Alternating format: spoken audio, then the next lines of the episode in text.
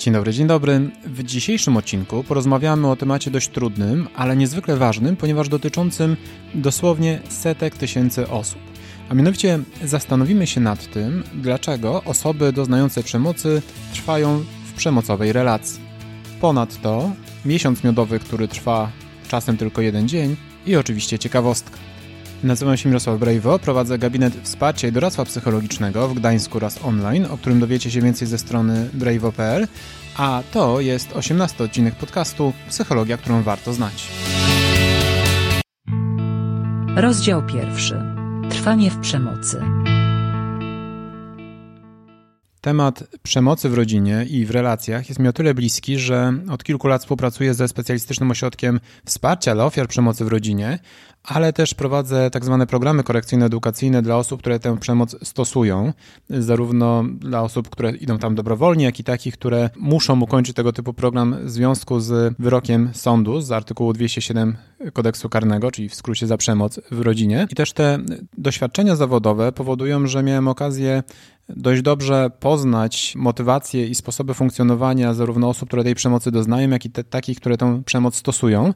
I pomyślałem, że to będzie dość cenny temat. To znaczy, żeby na początek skupić się na tym, jak to jest, że osoba, która doznaje przemocy, cały czas tej relacji trwa? Bo bardzo często takie pytanie słyszę i wiele osób mówi: No ale jak to, tak? Przecież gdyby ktoś zrobił mi jakąś krzywdę albo na mnie krzyknął, no to ja od razu odchodzę. A jednak nie zawsze się tak udaje. Więc dzisiaj pozwolę sobie to troszeczkę przeanalizować i opowiedzieć Wam o takich czynnikach, które mają tutaj znaczenie. Być może również będą bliskie ze względu na Waszą sytuację i dadzą Wam motywację do tego, żeby podjąć jakieś kroki, które pozwolą Wam się z niej uwolnić w skuteczny sposób. Temat przemocy w rodzinie jest oczywiście bardzo, bardzo szeroki. Pewną skalę pokazuje chociażby to, że sam program korekcyjny-edukacyjny dla osób, które przemoc stosują, trwa minimum 60 godzin, więc pokazuje to, jak wiele rzeczy jest gdzieś do opracowania, do opowiedzenia. Mam tutaj też dla Was ciekawostkę. Ciekawostka. W ubiegłym roku, w związku z artykułem 207 kodeksu karnego, czyli za znęcanie się nad rodziną, skazano 16 259 osób. Należy jednak pamiętać, że to są tylko i wyłącznie te sprawy, które trafiły przed sąd a jednak skala samej przemocy w rodzinach jest oczywiście o wiele, wiele większa, tylko że w wielu przypadkach nigdy nie jest zgłaszana. Wow, ale ciekawostka.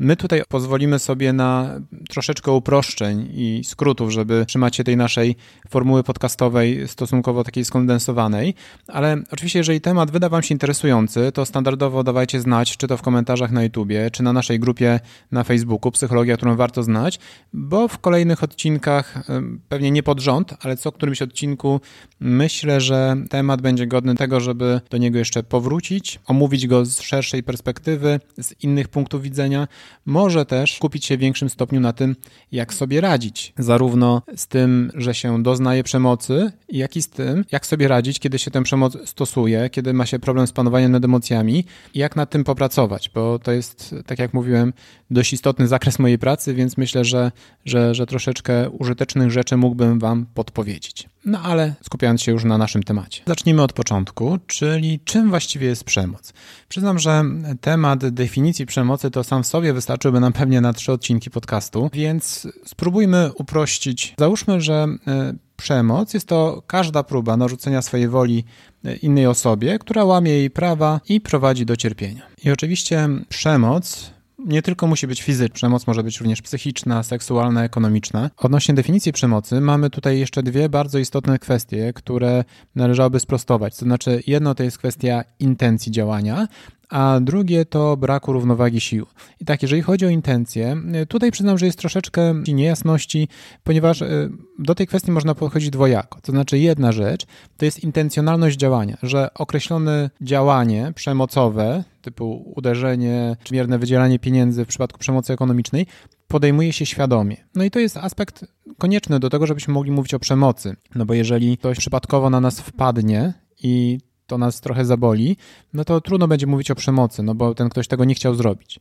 Natomiast drugi aspekt intencji, który bardzo często jest stosowany jako wytłumaczenie, ale nie zwalnia ze stwierdzenia, że ktoś stosuje przemoc, to to, że ktoś mówi, że podjął dane działanie w dobrej intencji, w sensie, żeby osiągnąć dobry cel. Czyli na przykład, nie wiem, uderzyłem dziecko, czy e, kogoś, z kim jestem w związku, bo nie sprzątali, albo chciałem ich zmotywować do działania. To jest oczywiście bardzo częste. Tak naprawdę większość osób stosujących przemoc w jakiś sposób to racjonalizuje, jakby znajduje jakiś powód, dlaczego działa w ten, a nie w inny sposób.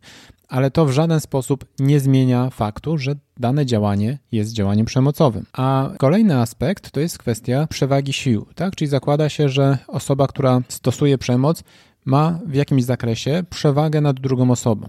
Tyle tylko, że y, trzeba też uwzględnić, że czasem ta przewaga jest dość subiektywna i to też powoduje, że na przykład przemoc ekonomiczną czasem stosują te osoby, które zarabiają tak naprawdę mniej albo w ogóle nie pracują, ale na tyle podporządkowały sobie drugą osobę, że ta na przykład oddaje im wszystkie swoje pieniądze. To tak w dużym skrócie odnośnie tej przemocy i tych intencji i przewagi sił. Tak jak wspominałem we wstępie, wiele osób twierdzi, że no okej, okay, ale gdyby ktoś na mnie podniósł albo nie wiem, nie zachował się względem mnie partnersko, no to ja w ogóle od razu odchodzę, nie ma o czym mówić. A jednak często tak się nie dzieje. I powodów tutaj jest oczywiście bardzo, bardzo wiele, ale gdyby tak zebrać kilka kluczowych, to odnośnie samego sposobu stosowania przemocy.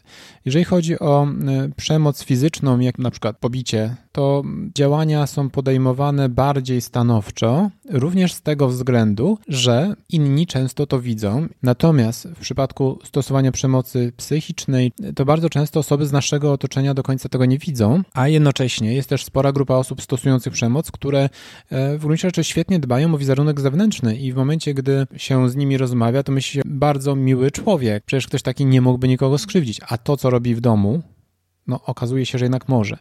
I przy takim zestawieniu bardzo często taka osoba doznająca przemocy no, bywa taka trochę pozostawiona sama sobie. Inny aspekt, bardzo często pojawiający się, jest taka anegdotka o gotującej się żabie, że jak się wrzuci żabę do wrzątku, to ona wyskoczy, a jak się wrzuci do zimnej wody i zacznie gotowywać, no to ona nie zauważy tej różnicy temperatury i da się ugotować.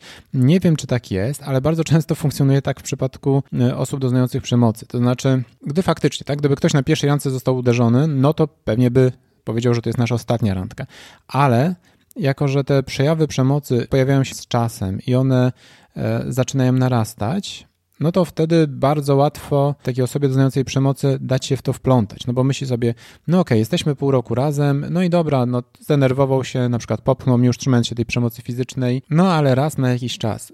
Natomiast e, po jakimś czasie, kiedy ta sytuacja się powtarza, no to e, no dobra, no dwa razy jeszcze można na to przymknąć oko. A z kolei, kiedy to się pojawia po raz piąty, no to ten szósty raz na tle pięciu wcześniejszych to już nie jest aż taka różnica.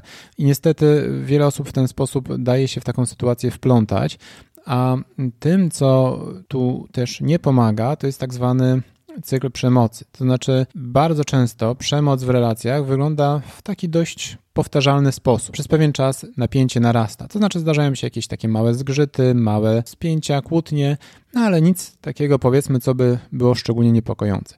Aż w końcu dochodzi do momentów, gdzie faktycznie pojawia się ten taki wybuch, jakaś większa awantura, jakieś skrajne zachowanie. I co potem? Po tym zachowaniu pojawia się miesiąc miodowy, czyli często osoba, która zastosowała przemoc, widzi, że przesadziła, albo osoba, która je doznała, stwierdziła, że dosyć. No i wtedy ta osoba, która tę przemoc stosuje, a często przemoc stosuje się po to, żeby mieć kontrolę nad sytuacją, widzi, że najskuteczniejszym sposobem uzyskania kontroli jest to, żeby się postarać coś zmienić. Bardzo często to są całkowicie świadome próby i jakby chętne próby do zmiany czegoś. No i wówczas taka osoba, która tej przemocy doznała w tym okresie, no właśnie tak zwanego miesiąca miodowego, E, myśli sobie, o, może jednak się zmienił, więc dajmy mu kolejną szansę. I owszem, część osób się oczywiście zmienia, w przeciwnym wypadku bym z nimi nie pracował, natomiast bywa tak, że, że to jest kwestia tylko deklaracji. W momencie, gdy ta sytuacja zostaje opanowana, to też poziom motywacji do zmiany zaczyna spadać, e, no i wiele osób zaczyna ten cykl od nowa, czyli znów zaczyna rosnąć napięcie, znów dochodzi do jakiegoś wybuchu, a potem znowu mamy chwilę tego miesiąca miodowego, który jednak z czasem zdarza się, że się skraca, tak? No bo ten miesiąc miodowy to jest takie określenie powiedzmy potoczne, ale bywa tak, że on może trwać pół roku, a z czasem może trwać dosłownie jeden dzień, albo w ogóle może się nie pojawiać i po prostu możemy przeskakiwać napięcie, wybuch, napięcie, wybuch. I, i to widać bardzo często, tak? Że osoby, które są w fazie miesiąca miodowego, to nagle, nie wiem, starają się wycofać jakieś zeznania, albo jeżeli ktoś się wyprowadził, to widzi, okej, okay, zmienił się, więc wraca wracam. I raz jeszcze, owszem, część ludzi się zmienia, natomiast warto, warto też do tego podchodzić tak troszeczkę z dystansem. To znaczy, może czasem nawet trochę odczekać i jakby jeśli dajemy kredyt zaufania, to go trochę wydłużyć w czasie, że zmiana na 2-3 dni niekoniecznie oznacza, że ta zmiana jest trwała, tak, albo te deklaracje, jeżeli nie idą za nią konkretne czyny. Oczywiście bardzo często ludzie żyją w przemocowych relacjach, ponieważ też w takich warunkach się wychowywali i w związku z tym y, nie mają za bardzo innego punktu odniesienia, to znaczy uważają, że to jest pewien standard, taki sposób komunikacji, taki sposób zachowania. I trudno jest im sobie po prostu wyobrazić, że można funkcjonować bezpiecznie, spokojnie, lubiąc być z drugą osobą. Tak jeszcze nawiązując do tej anegdotki z żabą, to tutaj oczywiście też nie mniej istotny jest często efekt utopionych kosztów, czyli to, że im dłużej jesteśmy w związku, tym więcej w ten związek inwestujemy i tym trudniej jest nam się po prostu z tą relacją rozstać. Okej, okay, no jak z kimś spotkaliśmy się raz, no to jak się rozstaniemy, to bólu nie będzie, tak? Ale jeżeli z kimś spotykamy się 10-15 lat, mamy wspólne dzieci, wspólne kredyty, to wszystko powoduje, że taki projekt rozstanie staje się bardzo, bardzo trudny i kosztowny i gotowość do wytrwania w danej relacji troszeczkę, troszeczkę niestety się zwiększa. Nie mniej istotnym aspektem, dla, dla którego osoby nie, nie wychodzą z takich relacji, jest też to, że po prostu nie wierzą, że są w stanie sobie z tym poradzić. Bo tak długo ktoś im wmawia, zwykle osoba stosująca przemoc, że beze mnie to jesteś nikim, że nie dasz sobie rady, że zaczynają w to wierzyć tak? Tym bardziej, że często w takich przemocowych relacjach e, wszelkie próby samodzielności są dość szybko ucinane. A jako, że stosowanie przemocy to w dużej mierze próba kontrolowania sytuacji, po to, żeby tę kontrolę mieć jak największą, to osoby, które stosują tę przemoc, często starają się maksymalnie odcinać zasoby drugiej strony, po to, żeby, żeby ta osoba czuła się jak najmniej pewnie. I często takim objawem jest też to, że na przykład odcina się od znajomych, no bo znajome osoby czy bliska rodzina może stanowić wsparcie. To z kolei utrudnia stosowanie przemocy. Rozdział drugi. Wychodzenie z przemocy. Co zrobić, żeby wyjść z takiej relacji? E, to jest temat w gruncie rzeczy pewnie na osobny odcinek podcastu, ale to, od czego należałoby zacząć, poza E, wiadomo, w pierwszej kolejności zapewnieniem sobie bezpieczeństwa i reagowaniem w sytuacjach, kiedy e, to bezpieczeństwo nasze jest zagrożone, to często istotnym aspektem, który może nam pomóc w wyjściu z takiej relacji, znaczy wyjściu albo poprawieniu sytuacji, tak? Bo dla jasności e, są, jest sporo przypadków osób, które owszem stosowały przemoc, ale pracując nad sobą, czy to przy, przy okazji właśnie wsparcia psychologicznego, czy to różnego rodzaju grup, takich chociażby, o których wspominałem, dają sobie radę, zaczynają kontrolować swoje emocje i tej przemocy nie stosują dalej, więc, więc to jest możliwe. Natomiast to, co jest niezbędne, to na pewno postawienie granicy, tak? I powiedzenie, że ja się na taką sytuację nie godzę. Tylko, że to wymaga też zadbania po pierwsze o swoje bezpieczeństwo, po drugie zbudowanie odpowiednich zasobów, to znaczy tego, żebyśmy e, czuli, że możemy sobie na to pozwolić, tak, że mamy siłę na to, żeby faktycznie się przeciwstawić. I te zasoby to bardzo szerokie określenie, bo zasobem z jednej strony mogą być ludzie, którzy nam wspier nas wspierają, zarówno rodzina, przyjaciele. Czasem jest to wsparcie specjalistyczne, jak chociażby dosłownie na przykład specjalistyczne ośrodki wsparcia dla ofiar przemocy w rodzinie, gdzie, gdzie zwykle można liczyć na e, wsparcie czy pracowników socjalnych, czy prawników, czy psychologów, ale też w wielu sytuacjach nie mniej istotnym aspektem jest oczywiście zapewnienie sobie bezpieczeństwa finansowego, czyli odłożenie sobie pewnych zasobów, które pozwalają spokojnie się odciąć. Mm, więc to jest temat bardzo, bardzo długi i myślę, że sobie jeszcze do niego będziemy wracać w przyszłości, jeżeli oczywiście Was to interesuje. Podejrzewam, że jest to temat, który może e, wzbudzić wiele pytań i wątpliwości, więc jeżeli takie pytania macie, to też piszcie na naszej grupie Psychologia, którą warto znać na Facebooku. E, jeżeli będzie jej więcej, to może je po prostu zbiorę i postaram się zrobić taki odcinek, gdzie po prostu odpowiem na Wasze pytania. Podsumowując, wbrew pozorom jest całkiem sporo powodów, dla których osoby, które doznają przemocy, trwają w przemocowych relacjach, ale możliwym jest wyjście z takiej relacji albo zadbanie o to, żeby ta relacja się poprawiła, jednak wymaga to często sporego wysiłku i zadbania o swoje zasoby. Mam nadzieję, że ten odcinek, e, tak dość skrótowo opowiadający o kwestii e, doznawania przemocy, był dla Was wartościowy i zachęcił Was do tego, żeby być może przyjrzeć się swojej relacji albo temu, czy samemu się nie stosuje przemocy i zadbać o to, żeby, żeby coś z tym zrobić, może poszukać jakiegoś wsparcia. A tymczasem już za dwa tygodnie, czyli 21 września, porozmawiamy o tym, jak zwiększyć swoją skuteczność osobistą. Więc bardzo dziękuję i do usłyszenia za dwa tygodnie.